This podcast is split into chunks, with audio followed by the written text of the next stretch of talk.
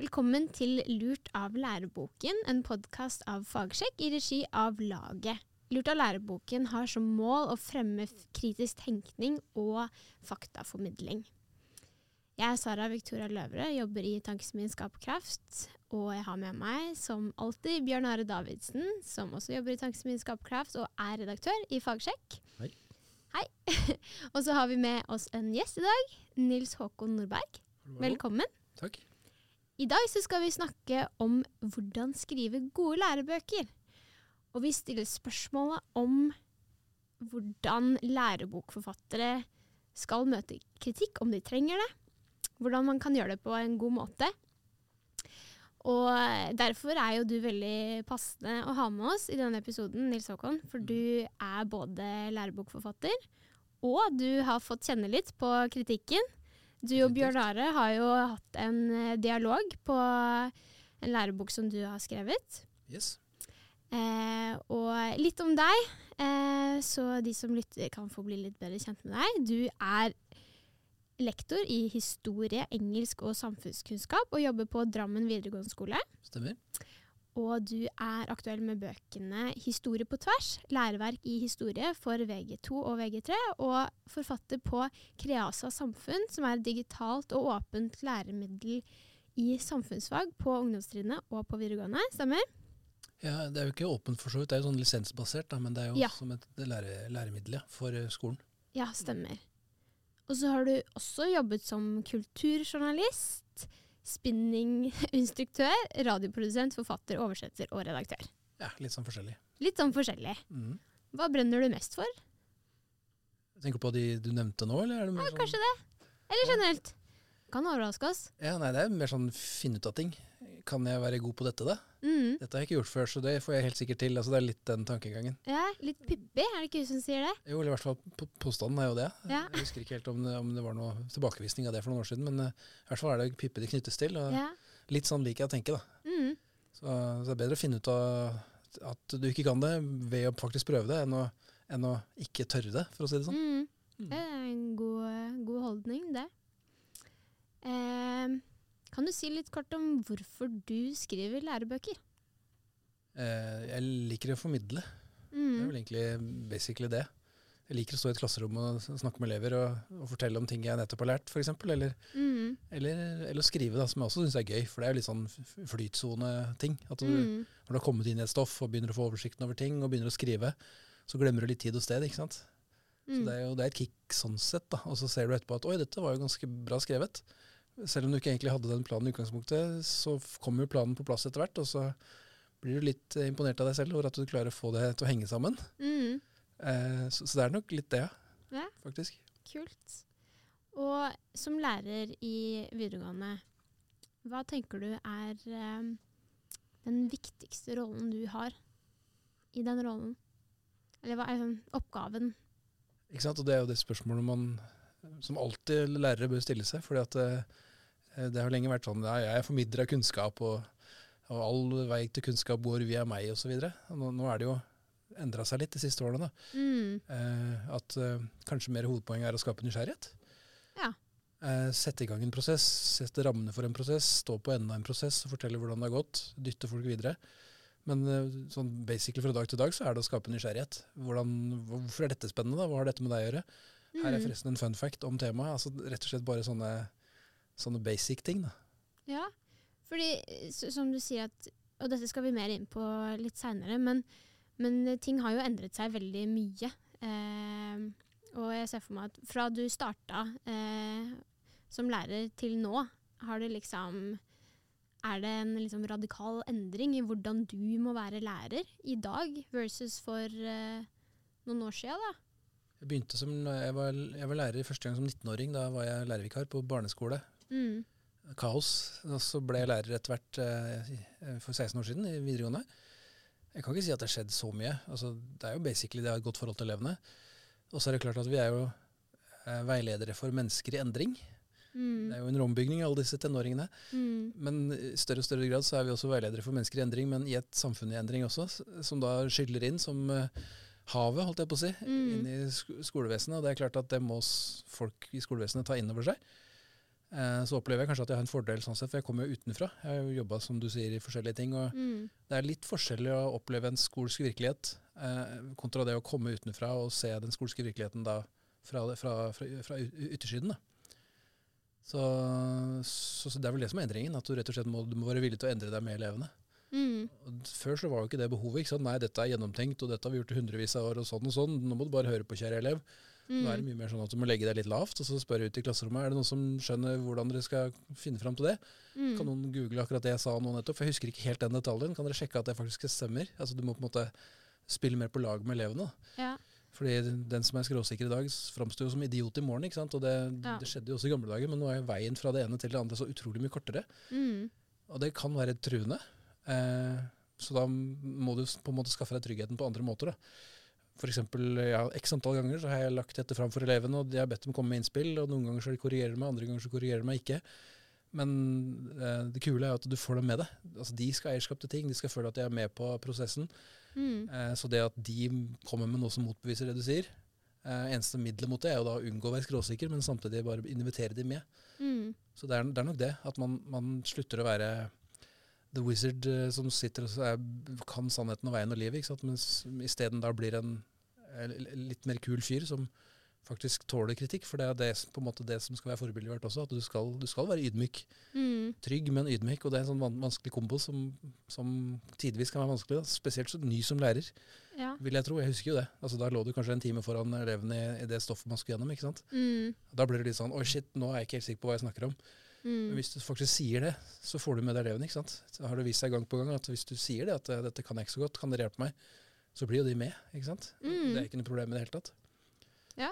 Jeg syns det er fascinerende å høre på. Det, er jo en, eh, det virker som at det du trekker fram, er liksom en eh, Først og fremst kanskje en endring i holdninger til autoriteter og liksom det forholdet lærer-elev. Eh, at er det kanskje litt mer flat struktur, og at man bygger tillit på en annen måte enn kanskje før. eller sånn Inntrykket mitt er at da var det mer sånn Ja, jeg lærer dette, jeg, dette sier jeg, og da er det sånn.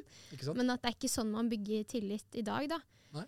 Eh, og du er jo inne på det å ta imot kritikk fra, fra elevene dine. Og eh, vi kan jo også si kort litt om at dere to kjenner jo hverandre litt. Eh, og eh, vi kan jo si at eh, kritikk er et nøkkelord i deres relasjon. Fordi eh, du har rett og slett eh, Eller hvordan gikk det til? Du nevnte kort her i stad at eh, Bjørn Are rakte opp hånda og sa at eh, Bjørn Are, kan du ikke si hva du Hva har du gjort? Altså, nå får kanskje noen etterprøve alle detaljene her, da, men jeg mener å huske at jeg kommenterte dette et eller annet sted, og så snappet en journalist opp det, og så ble du kontaktet. Ja, Land eller sånt? Ja, Mm. var mulig det var dagen. Eh, Men uansett så, så eh, tenkte jeg at eh, her skal jeg, som jeg pleier å gjøre, rykke ut da, med fulle sirener liksom, og Ja. kritisere. Men du, du var som du nå så forbilledlig hadde sagt, åpen. Veldig åpen. Altså, jeg er imponert over hvor åpen du var. Og, og, og dette som du sa, var ikke mer arbeid Du hadde jo ikke gjort noe galt. Altså, jeg fant det. Altså, det var ikke noe sånn at jeg som ikke du gjort noe galt. Jeg bare var nysgjerrig Ja. på hvordan du liksom tenkte, for du hadde lagt dette opp på nettet, som jeg liksom susset litt over. Nettopp. Og så eh, tok du kontakt, og så har vi jobbet eh, noe sammen. Gitt noe innspill og bidratt på oss andre måter i ditt, en av disse der, eller kanskje to av dem, men et kapittel, var det vel? Ja, som skrevet, ja. Ja, skrev et Mm. kapittel, ja. Ja. Uh, og uh, jeg har vært veldig uh, altså, jeg har vært- veldig imponert, da, for å bruke det ordet igjen, over måten du har eh, håndtert og egentlig ønsket kritikk. Ja. Og, og du er jo veldig flink, ikke sant? og det, er jo, det hjelper jo alltid. At du klarer å gi meg kritikk tilbake. Ja. Uh, også, og fordi at det der var ikke helt riktig. Og så har jeg måttet revidere også noe av det jeg har, har ment. ja. For du har jo hatt en tilsvarende innstilling, da, egentlig. Ja, Altså- altså jeg elsker disse dialogene. Ja. Å lære å utvikle meg. ikke sant? Så det syns jeg er veldig stimulerende. da. Mm. Så du eh, liksom, Så du Bjørnar over eh, liksom, manuset til denne læreboken til Nils Håkon, eller hvordan så det ut? Ja, det var vel det. Altså At jeg fikk tilsendt uh, litt sånn stykkevis i starten uh, noen kapitler. Eh, Og så hadde jeg noen innspill, spilte inn noen kilder. Eh, som du leste gjennom og tolket litt annerledes enn meg, i hvert fall på én av dem. Og så, uh, og så hadde vi litt sånn frem og tilbake, og så justerte du vel etter det du mente var uh, det du kunne stå for. Ja. Og så eh, ja, hadde vi en, en, en prosess, da, for å bruke et litt sånn åpent uttrykk. Mm. uh, hvor eh, det, var, det var Jeg tror det var nyttig for, for deg, i hvert fall var det nyttig for meg å ha en sånn prosess. Veldig lærerikt. Det morsomme var at altså, det er jo sånn fram og tilbake. ikke sant? Det blir som en sånn deltakende prosess da, hvor ja, men på den måten, ikke på den måten. og og så tok jeg meg sjøl i et eller annet forum på Facebook hvor det var noen diskusjon om middelalderen. Og sånne ting. Og så rykka jeg ut da, og så korrigerte jeg noen påstander der. Eh, som jeg, det slo meg rett etter jeg hadde skrevet det, Det har jeg jo fra deg. Mm. Og rett etter der igjen så fant jeg at du er jo medlem av samme Facebook-gruppe.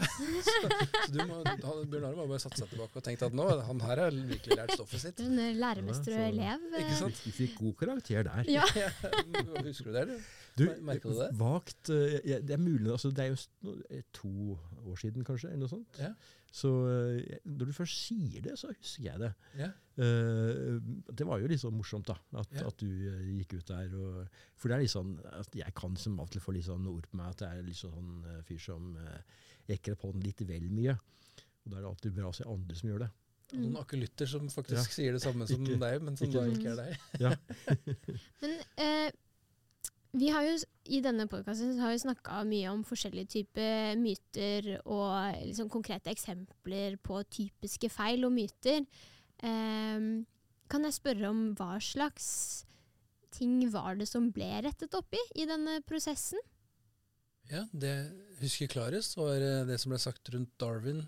Eh, denne debatten eh, var det denne biskopen som eh, lo av eh, Darwins påstander om at man på en måte eh, hadde felles opphav med apene.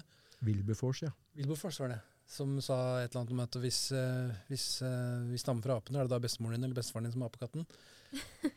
og så dro Bjørn Are fram noen kilder som satte det i tvil, og så kom vi vel gjennom en prosess fram til at det ble sagt allikevel, men bare på en litt annen måte. Ja, altså den debatten er liksom sånn myteavspunnet. For liksom det er sånn, tror at det var en stor debatt mellom en som het Thomas Huxley, som var liksom Darwins støttespiller, ofte kalt Darwins bulldog, for han var sånn, eh, litt vel frampå. Uh, og en biskop som het vel eh, Samuel Wilberforce, Soapy Sam, det er kalt for liksom pleide å gni seg litt mye i hendene.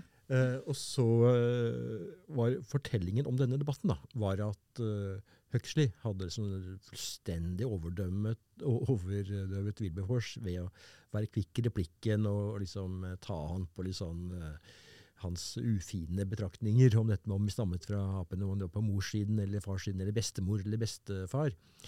Eh, I realiteten foregikk debatten i ganske støyete lokale, slik at det var veldig vanskelig å høre hva folk sa. Og det var ikke sånn at liksom, det var nok riktig at dette ble sagt, eh, men mer på slutten. Og først etter en mer sånn vitenskapelig presentasjon, så jeg hadde jo gleden av å lese Wilberforce sin anmeldelse av Darwins 'Origin of Species'. Og den er faktisk først og fremst vitenskapelig. Mm. Man har ikke noen sånn form for ufine usakligheter i den. Den er rett og slett en, en, eh, en god gjennomgang av det som på datiden oppfatt, ble oppfattet som eh, vitenskapelige innvendinger til Mm. Darwin. Mm. Og det interessante i den prosessen her var jo at eh, jeg hadde jo en sånn eh, en vinkling i den artikkelen, eller det, det kapitlet, var at Galileo på 1500-tallet han måtte trekke tilbake, eller 1600-tallet var det vel, han måtte trekke tilbake noen påstander. Blant annet etter å ha kalt paven idiot og litt sånne ting. Altså det var jo en del usakligheter inn i bildet der med Galilei, Galilei, men han måtte trekke det tilbake. Mens vi da går 250 år tilba- til eh, Storbritannia, så, så må biskopene eh, avfinne seg med å lage morsomheter på bekostning av forfatteren. Altså fra, fra tortur til faktisk det å måtte trekke seg tilbake. Da. Altså Religionen må trekke seg tilbake fra fysisk makt og til, eh, til bare å, å polemisere over det som skjer. Mm. Eh, og det ble jo veldig svart-hvitt, ikke sant? For da har ja, religionen har hele tiden holdt igjen på ting, og i verste fall, i gamle dager, så kunne de til og med true med tortur. Men så viser det seg, som du sier, da, at denne Wilberforce, eh, var det det? Ja. Han, eh, han kunne nok riktignok gjøre seg morsom, og han kunne riktignok kanskje oppleves som litt sånn eh, konservativ eh, osv., så videre, men samtidig så var han jo faktisk på lag med det som skjedde. da. Han satte seg inn i ting. Han ba, satt ikke bare og henviste til skriftsteder og, og sa at nå går vei samfunnet ad undas, fordi nå kan alle si hva de vil, osv. Det var ikke det som var liksom greia. Mm. Det var en sivilisert samtale mellom engelske gentlemen, Mm. uh, som begge var uh, oppleste på vitenskap. da. Mm. Så det, her var det en, en eh, eh, På en måte en sånn nyansevinkling som du endret da, i, i fremstillingen av historien i din, Ikke i din bok. Ja, for det, Så Spørsmålet er da, er eh, den moderne naturvitenskap vokst fram av, eller på tross av eller religion, eller noe midt imellom? Mm. Så perspektivene fra Bjørnar var jo da type eh, at debatten mellom Galilei Galilei og paven dreide seg kanskje ikke bare om eh, religion, det dreide seg kanskje også om metode. Mm. Og så får du potetpresten i Norge på 1700-tallet, ikke som ikke bare sprer Guds ord, men også er da flinke til å spre mulighet for, eh, for å leve av jordbruket i større grad. fordi de satt Mm. jo faktisk på kunnskapskilder i bl.a. i København, som jeg hadde studert i. Mm. Eh, så, så da får du litt mer sånn, hva skal vi si, samspill. Noen ganger litt eh, antitese, andre ganger litt eh, samspill, og andre ganger så eh, spiller de på en måte ikke på laget i hele tatt. Men det er ikke på grunn eller på tross av, det er en mye mer komplisert virkelighet enn det. Mm. Jeg satt jo da med et mer negativt syn, da, for jeg, jeg ser jo på religion i mange sammenhenger som narrativ noen har blitt enige om. Mm. Og så på et eller annet tidspunkt så sementeres de narrativene, og så hvis da noe kommer i strid med de narrativene, så, så, så er det på en måte synd eller kjettersk, eller det må forfølges, eller et eller annet sånt noe. Men så er det jo virkeligheten mye mer kompleks enn det. Mm. Ja. Og dette ble liksom Ble du litt konfrontert med dine egne eh, på en måte kanskje fordommer eller sånne selvfølgeligheter som du tenkte at sånn er det jo. Ja. Eh, for det er jo det vi også snakker mye om, at disse mytene er altså Hvorfor overlever de så lenge? Og også blant eh, lærde, og vi har snakka om liksom feil i prisbelønte bøker. og at det, er- det er på en måte litt overraskende når eh, hvis man først sjekker litt, da, så er det ikke så vanskelig å se at å ja, men dette stemmer faktisk ikke. Eh, men eh, ja, at det likevel eh, Ja, at liksom ble du konfrontert med dette, disse selvfølgelighetene som du, du hadde, da? Ja. Det er, jo, altså, det som jeg nevnte, at jeg ser på religion som narrativer som noen har blitt enige om på et tidspunkt. Og basert da på politiske realiteter og motmakter og sånne ting. ikke sant? Eh, Denne palestinske biskopen som bestemte at sånn skal det nye testamentet se ut, f.eks. Eller eh, Abu Bakr som bestemte at sånn skal Koranen se ut. Og så slutten på de- debatten i den muslimske verden, da, på rundt 1100-tallet, hvor ulama, altså dommerstanden, de eh, religiøse presteskapet, bestemte at sånn skal det være. Og da var det slutt på, slutt på progresjon. Og så har jeg tenkt at det er religionens problem. Men så har det samtidig slått meg at eh, ja, men historie er også narrativer. Som noen har blitt enige om i et, en eller annen historisk situasjon. Mm. Eh, sånn at eh, det å framstille kristendommen da, som en eh, mørkets kraft, det kan jo like gjerne skyldes at man ønsket å gjøre en motreaksjon på Mm. 1900-tallet. Hvor da f.eks. marxistisk-leninistisk inspirerte historikere da ønsket å ta avstand, opium for folk osv. Så, videre, ikke sant? så de, Mm. de ender opp med å svartmale det til de grader for å fortelle at i gamle dager så var det sånn, men nå er det mye bedre. Mm. Eh, så historie er like mye narrativer som det religion er. Eh, Mm. Nå f.eks. i våre dager med invasjonen av Ukraina og sånn, så har det slått meg i stor grad hvor mye synet på den kalde krigen også er et narrativ. da. For da var det liksom det at eh, nei, du har revisjonistene og så har tradisjonalistene som snakker om at eh, nei, det var øst og vest, og de sto mot hverandre. Og det var ikke rart at øst var skeptisk til det vest drev med, for de hadde jo imperialisme, de hadde kolonialisme, de drev med Marshallhjelpen, og det var også i suspekt i seg selv. ikke sant? Amerikanere ville drekke folk inn i sin sfære. Eh, Men i lys av at Ukraina-krigen er en Putin-sak, så kan man i like stor grad si at den kalde krigen er en Stalin-sak. Altså Det dreier seg om hans gale syke og paranoia og, og alt det andre som skjedde i den kalde krigen, Mm. var eh, på en måte konsekvens av det han drev med. Eh, og det at man har prøvd å framstille det som eh, noe som kan ses på fra to sider, det er Mm. egentlig bare et eksempel på at i 1950-åra så var kommunismen veldig populær. Mm. Og veldig mange hadde behov for å tolke ting inn i det kommunistiske verdensbildet. Og da fikk du sånn kunstig falsk eh, balanse. eh, Som, som man i våre dager innser at det, det, var ikke noe, det var ikke noe balanse der. Det var faktisk en det var, Hitler hadde skyld i andre verdenskrig, Stalin hadde skyld i andre i kalde krigen. Eh, og det ble til i en setting. Så da er det kanskje på tide å re revisitere det og tenke at det, det ble til en setting. Nå kan vi se det med andre øyne, Mm. basert på Ukraina-krigen f.eks. Mm. Mm. Så må vi tenke på nytt. Og litt sånn var det når jeg møtte Bjørn Are også, at eh, oi, dette må jo revideres litt. Synet Mm. på religion f.eks. har jeg alltid liksom provosert meg, at religion alltid henger igjen på ting.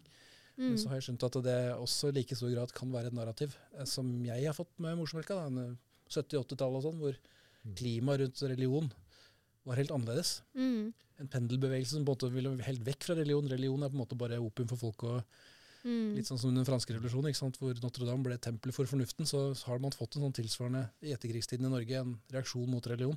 Mm. Med Ole Hallesby og helvetesmonologen og eh, alt det greiene der. Det er det man ser på som religiøse mennesker. Mm.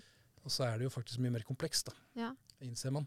Er dette noe du eh, For nå ble jeg veldig nysgjerrig. Er liksom, siden det, du lærte dette, høres ut som, og ble mer bevisst på dette i denne prosessen, Ja. var dette, er dette noe som kommer frem i bøkene dine, og som du videreformidler til uh, dine elever? Og Jeg fors- tror det. Vi ble jo enige om en del endringer, og så ble jeg enig med en litt perspektivendring. Mm. Litt sånne ting. Eh, det man alltid er redd for når man får kritikk, er jo det at «Oi, nå kommer det en eller annen tulling og skal rive ned hele byggverket mitt. mm, Det er det som er alltid ubehagelig med kritikk. En ting er at du viser usikkerhet. og shit, har jeg misforstått dette her? En annen ting er at nå har jeg jobba masse med å få et eller annet til å henge sammen, og så plutselig så røsker en eller annen eh, vekk kjeller, eh, kjelleren da, i det logikken. mm, Eh, men jeg tror bøkene i mye større grad speiler eh, to sider nå. Sånn som når vi snakker om velferdsstaten. ikke sant? Du kommer med det spennende perspektivet om at velferdsstaten Ok, du fikk alderspensjon i 36, og det skjedde jo masse på 1900-tallet, men du pekte jo på at vi fikk tienden allerede i 1130 med Sigurd Jorsalfar, eh, så vidt jeg husker. Ja, Det kom nok litt utenom han, for så vidt, men på den tiden, ja. Ja, på Så, den tiden. og det, og det, er, sant, er så, liksom, er det er mange linjer her som er ganske lange og spennende. Ikke sant? Og legdsystemet og alt mulig Ja. sånt, som, som også har med kristen tradisjon å gjøre. og sånne ting. Så det er jo ikke sånn at det er en moderne oppfinnelse i det hele tatt. Så, så, så det er liksom viktig å peke på at det er eh, både negative og positive ting i sånne føringer. da. mm, Og så prøve å kvitte seg med det negative, selvfølgelig, og så samtidig videreforedle det som er det positive, og ikke bare si at det, alt det gamle var dritt. For det, det kan fort bli litt sånn når man setter i gang for alvor. da, tenker av det Mm. moderne prosjektet versus det gamle prosjektet. mm, Det er et poeng bare for å ta det med Tine igjen. ikke sant? At I mange lærebøker fall de har lest, da, så er det fremstilt som nærmest som kirken som beriker seg på folkets bekostning. Dermed kan liksom prestene leve i sus og dus. mm, Mens i realiteten så var det jo sånn at en stor andel av tienden var øremerket for de fattige og syke. Så det var litt på, på, liksom på en måte en slags første fase av en slags uh, trygde- eller sosialsystemløsning. da. mm, Og, og det er noe som eh, jeg ikke finner i, spesielt mange læremidler, kanskje ikke i noen egentlig, men, men eh, nå må jeg bare tenke over om du fikk, du fikk Jeg tror du fikk det med, men, men det er en del av de andre så, som eh, fortsatt henger altså på at dette var en uting.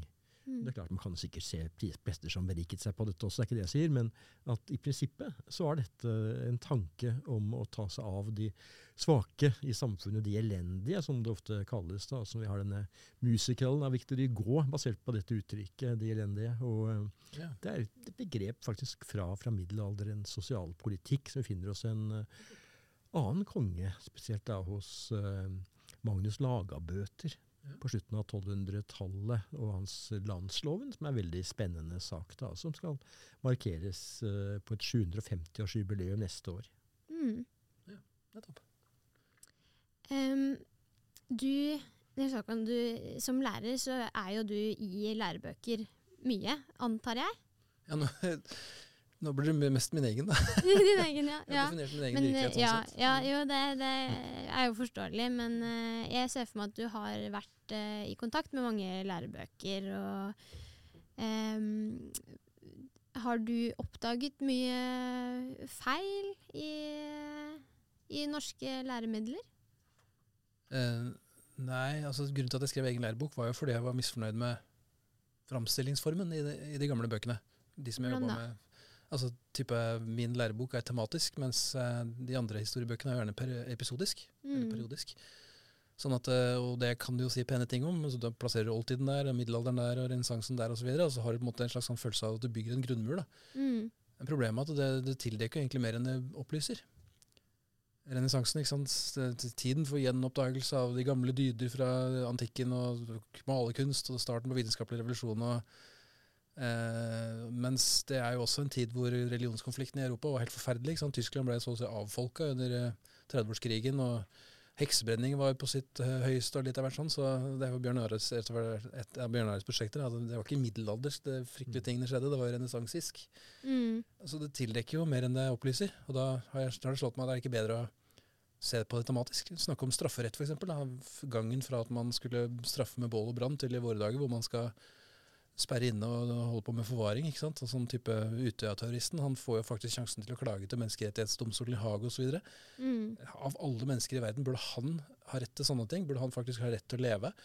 Eh, Gangen fra det til at vi i gamle dager da eh, drepte landssvikerne og sånne ting. Altså alle de perspektivene som blir borte da, hvis du skal dele, slice opp eh, historiens gang i, i sånne perioder, 50-årsperioder 50-årsperioder eller 100-årsperioder, eller, eller hva det måtte være. Mm. Og Samme er det med utvikling av religion, samme er det med utvikling av forståelse av naturvitenskapen, og, videre. Mye mer spennende å se på det fra, fra gammeltid til nå, men å ta den reisen mange ganger. da. Mm. Det, så, sånn, sånn sett så har jeg ikke vært så opptatt av feil i gamle lærebøker, jeg har mer vært opptatt av feil perspektiver.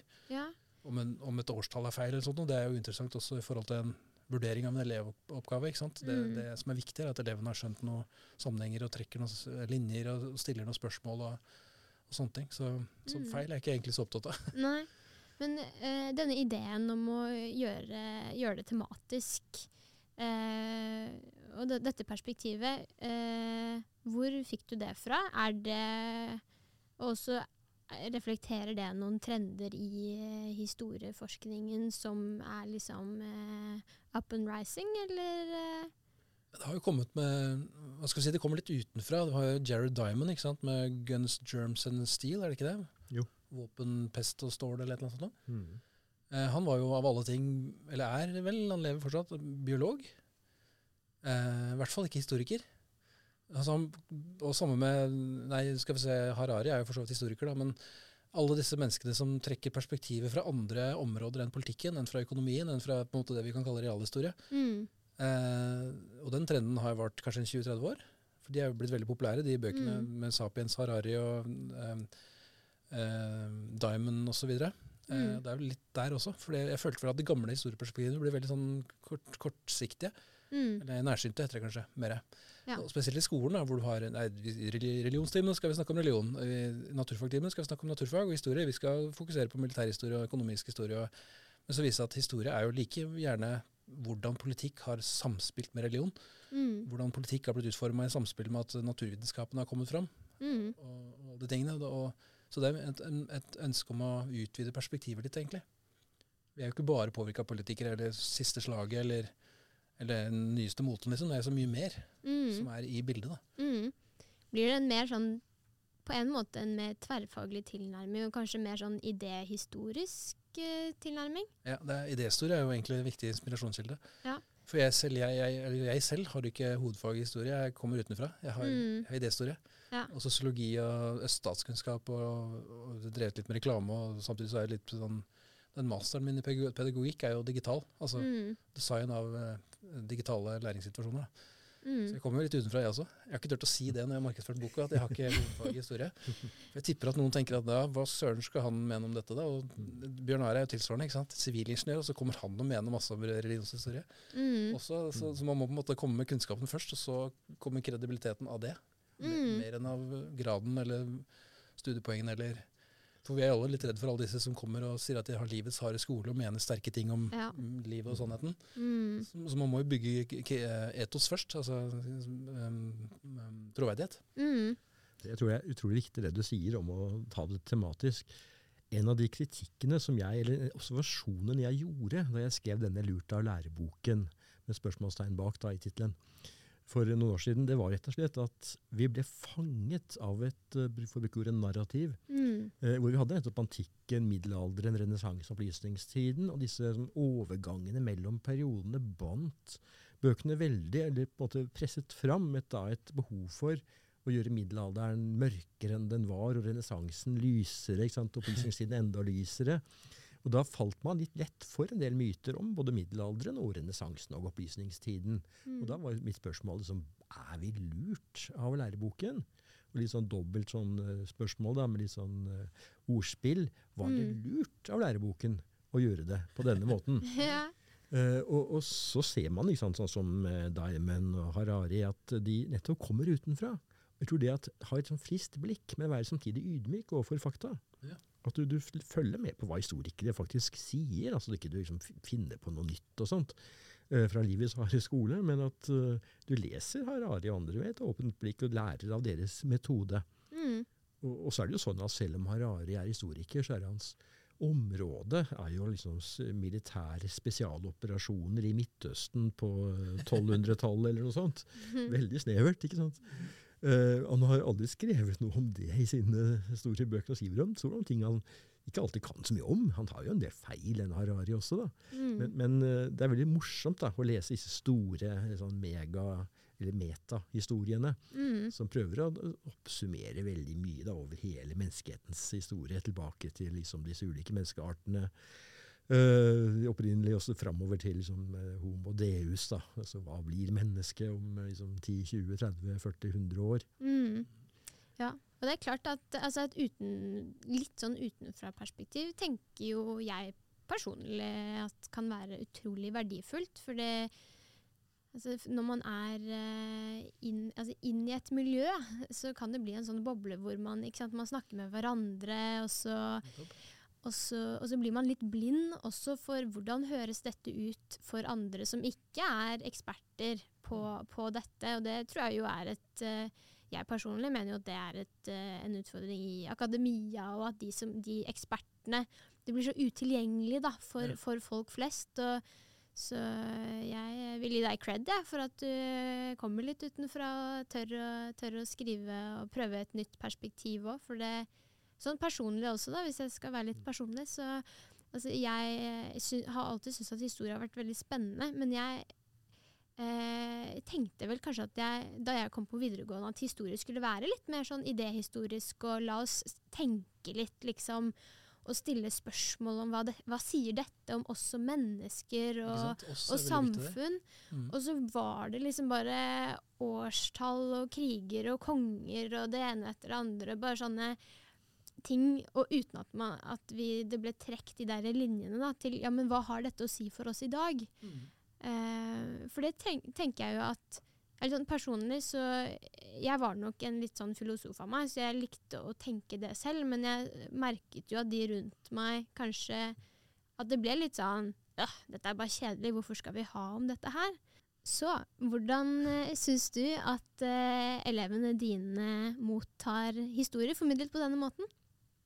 Eh, jeg opplever at de er engasjerte. Da, for at det, det er som du sa i stad, med at eh, hva har det med oss å gjøre? Mm. Det er vel egentlig det, det grunnprinsippet jeg har. at eh, Hvis ikke jeg klarer å fortelle hva det har med dem å gjøre, så er det egentlig uinteressant. Mm. Konger og, og ok, altså, Mitt hovedinteresseområde på på historie, eller jeg kan masse om, da, som jeg leser meg til de grader opp på, er militærhistorie. Mm. Og noen elever syns det er kult, spesielt gutter. ikke sant? Og du kan gjerne introdusere det med et eller annet slag, eller oi, det var nytt da, så det skjedde da, osv. Ja, jeg introduserer alltid Alexander den store med slaget ved Gaugamela i, denne filmen til Oliver Stone som heter eh, nettopp Alexander. Mm. Spiller jeg 15 minutter om det, og så snakker vi om strategien Alexander har brukt på slagmarken og, og sånne ting. da. Eh, men hvis du skal engasjere folk flest, så må du være hva har det med oss å gjøre i den situasjonen vi er i dag. Om det er straffehistorie, om det er religionshistorie eller, eller hva det måtte være, så må man eh, Lakmustesten for min del er sånn sett er jo da å se på elevenes øyne. Hvis, hvis de blir hvis, eh, eh, hvis de blir tunge i øyelokka. Mm. jeg husker jo det sjøl før at jeg prata for lenge. Jeg veit jo det sjøl, jeg kjeda meg på videregående for det var for mye høring og for lite gjøring. Mm. Og så har jeg tenkt som ny lærer da, at ja, men vi må jo bare gjennom det, og ja ja, noen kjeder seg litt og bla, bla, bla, men dette fyller seg på, denne harddisken har, og så får de bruk for det en eller annen gang på andre enden. Mm. Og så kan man dekke seg bak at dette gir dannelse, dette gir muligheter til å innse de store linjer. og Det er ikke Mm. sånn elever funker. ikke sant? Du vet jo da at hvis ikke de engasjerer seg i det du driver med her og nå, så har de glemt om fem minutter. Mm. Så kan du tvinge dem til å pugge litt på det rundt neste prøve, f.eks., men det er borte. Det er ingen form for mening, og det er ikke noe de kan bruke det til i Mm. det hele tatt etterpå. Mm. Så, så det er min erfaring med elever, at uh, hvis jeg ikke engasjerer dem, så er det mitt problem. Mm. Og da har det med vinkling å gjøre, Mm. sannsynligvis. Eller at jeg prater for mye, da. Mm. Så da må jeg tenke annerledes. Da må jeg tenke at jeg må eh, sette rammer, sette i gang ting, skape engasjement. Tvinge de til å på en måte sette seg inn i ting sjøl. Tvinge de til å lage en problemstilling som de skal fordype seg i. Mm. Det er ikke så farlig hva jeg kan. Det som er interessant, er hva de lærer seg. Mm. Og det skjer ikke nødvendigvis fordi jeg sier det, eller det skjer gjerne ikke fordi jeg sier det, men fordi de på en måte oppdager det. Og den, kan du si litt om den eh, digitale virkeligheten vi lever i når det kommer til eh, det å undervise historie?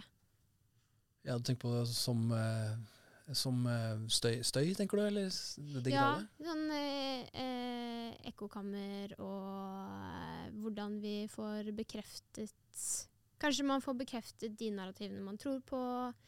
ehm, og eller sånn fare for å få feil, eh, en feil balanse gjennom disse forskjellige kanalene At de Stoler de på deg? Stoler de på den bloggen? Eh, vloggen er det kanskje man Eller sånn, Hvordan navigerer du deg i det digitale landskapet?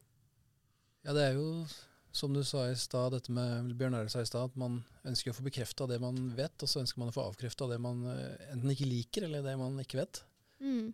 Eh, sånn er vi alle sammen. Confirmation bias. Eh, en annen ting som man ser veldig tydelig f.eks. med polariseringen i USA, er at eh, eh, og, det, og det jeg blir klar over med meg selv også, at man, man vil gjerne være enig med folk man liker. Mm. Og så vil man gjerne være uenig med folk man misliker. Og for folk flest så er det viktigere å være en del av flokken enn, det er å, være, enn å på en måte gjette for fakta.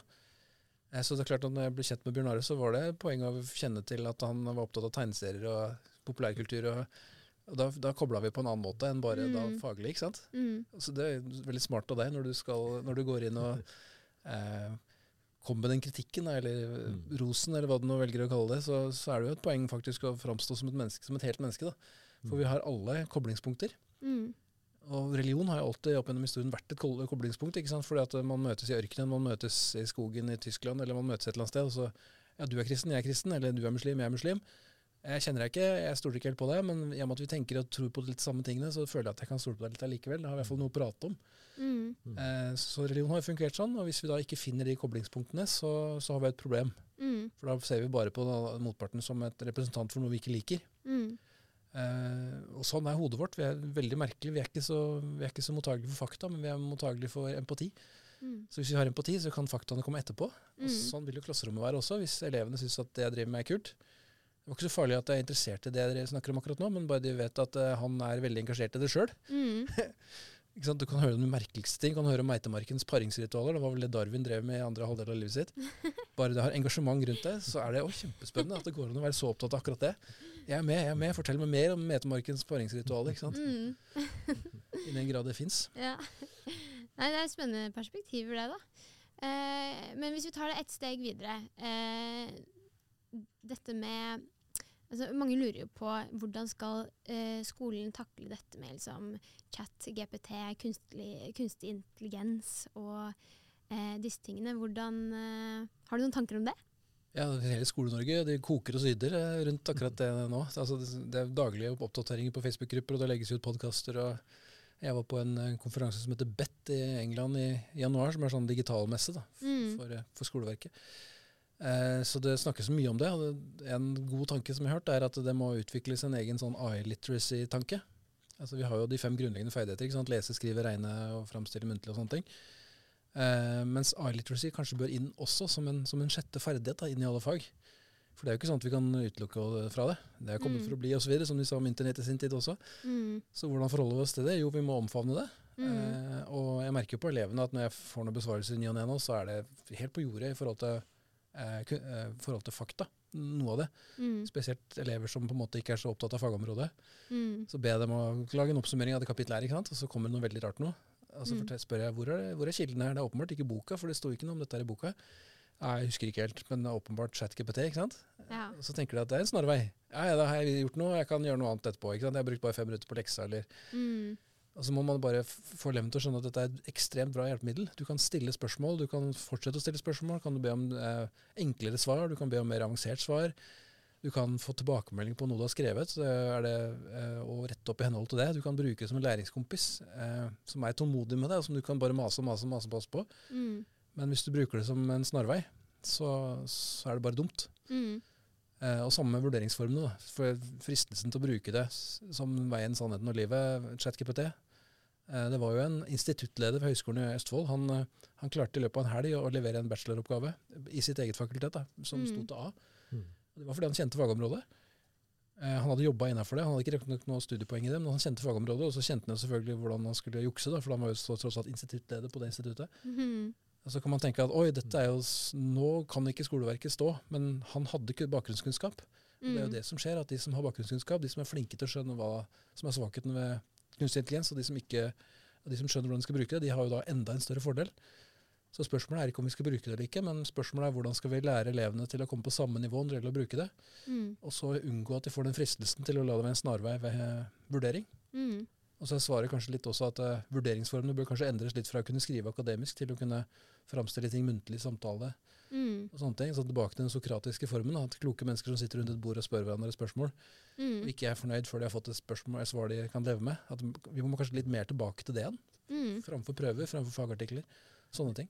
Jeg lurer også litt på om eh, ChatGPT kan gjøre behovet for og det- drive litt faktasjekk sterkere. fordi at de har jo en tendens til å finne på ting. Ja. Både norske forfattere de finner på kilder, og andre sammenhenger og historiske hendelser. og jeg sjekket litt på meg selv da, for et halvt års tid siden, hva den sa om meg. og Jeg var tydeligvis en av de fremste forkjemperne i klimakampen. Ja. Det var liksom veldig sånn Kan du leve med det, eller? ja, jeg, jeg kan sikkert leve med det, men det ble liksom veldig sånn spesielt da, i forhold til hva jeg faktisk drev med. Ja. Uh, og da tenkte jeg det at en vel hadde en sånn sannsynlighetsgreie bak uh, algoritmer og modellen her, som gjør at en liksom tenker hva er det mest sannsynlig at noen driver med i våre dager? Ja. Og det var akkurat da For han mangla kunnskap, så da fylte han på. ikke sant? ja, ikke sant? Det er litt det. Og, og det er spørsmålet kan elever og for så vidt lærere og de som sjekker etterprøve det som denne chat-GPT-en kommer med av eh, forslag til hva som faktisk foregikk i opplysningstiden, eller militærstrategier militære strategier. og så Alexander den store han i Persia. ikke sant? Hvordan var dette? ikke sant? Med hans eh, var det, Brukte han liksom armbrøst, eller var det store, lange spyd? ikke sant? Hva var det som var greia? Og, og hvis ikke du vet det, så kan du ikke liksom overprøve denne uten videre. og Da kan du bli tatt av sånne som deg, ikke sant? som kan dette med militærstrategi. militær strategi. At dette var jo Mm. bare surr. Men, men eh, de svake elevene de kan jo ikke dette. Nei. Så hvordan skal de få, få en eh, ballast som gjør at de eh, kan, kan overprøve litt hva som kommer av såkalte faktaopplysninger? Og da er jo både læremidler og, og lærere veldig bra å ha, altså, ha kompetanse og ikke ha for mye feil der. Da. Mm. Så det, så det er noen som sier at da må vi tilbake til klasserommet uten elektroniske forstyrrelser, og så må de lære seg basic fakta før vi kan slippe de løs igjen. Da. Mm. Og du mener Nei, jeg mener jo ikke det. Eh, Jeg, vi må bare lære de å skjønne hva som er begrensningene. mm. Fordi det å skulle gå til den skolske virkeligheten, er, det er liksom å tenke at man skal helle masse fakta opp i hodet på folk, og så skal de Mm. kunne slett På slutten av året, når de har masse kunnskap, så skal de kanskje kunne reflektere litt. Altså det er det, jeg har hørt lærere som sier det. De skal Mm. ikke reflektere i starten, for de, har ikke, de kan jo ingenting om middelalderen, f.eks. De kan ikke reflektere rundt middelalderen. Mm. Men så er svaret at eh, da må de reflektere rundt hva kan jeg om middelalderen, og hvorfor kan jeg det jeg kan, eller ikke kan. Mm. Og Ja. hva må jeg, hvor må jeg søke for å finne mer om det? Altså Du må ha en kombinasjon av kognisjon og metakognisjon, kan du si, Mm. hele veien. For det å reflektere på slutten av året, det er ikke sånn det fungerer. Ikke sant? Da kan du eh, trekke s- strek mellom A og B. Mm. Det er, det er ikke sånn hodene våre fungerer. Nei, Så Nei, du må ha det- trening på å reflektere hele veien. ja, klart det. Det er ikke sånn det fungerer i livet heller, liksom. Så Nei. hvis det skal være en eh, dannelse også, så, så er det jo ikke delt inn i lære fakta, og så reflektere, liksom, i, i livet, da. Det er jo ikke det. Men eh, vi, eh, vi må gå mot en landing. Men eh, er det noen siste ting dere brenner inne med? Vi har fått sagt mye bra, så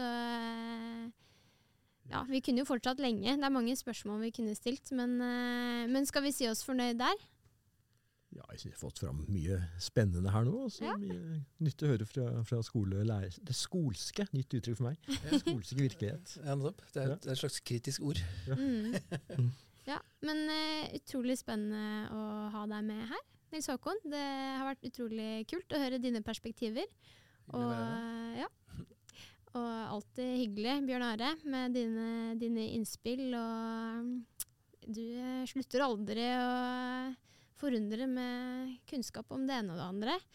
Men eh, yes, takk for, eh, takk for i dag. Veldig hyggelig å ha dere her. Eh, kult at dere hører på Lurt av læreboken. Følg med for flere episoder. Og også Bjørnare, hva skal vi snakke om neste gang? Ja, Det skal bli ekstra spennende, for da har vi fått med oss eh, en litt sånn sjelden vare i Norge. Nemlig en Mm. vaskeekte middelalderhistoriker. Fantastisk. Det blir bra. Det gleder du deg til. Det gleder jeg meg til. ja, jeg òg gjør det. Følg med på sosiale medier og fagsjekk.no. Ha det bra.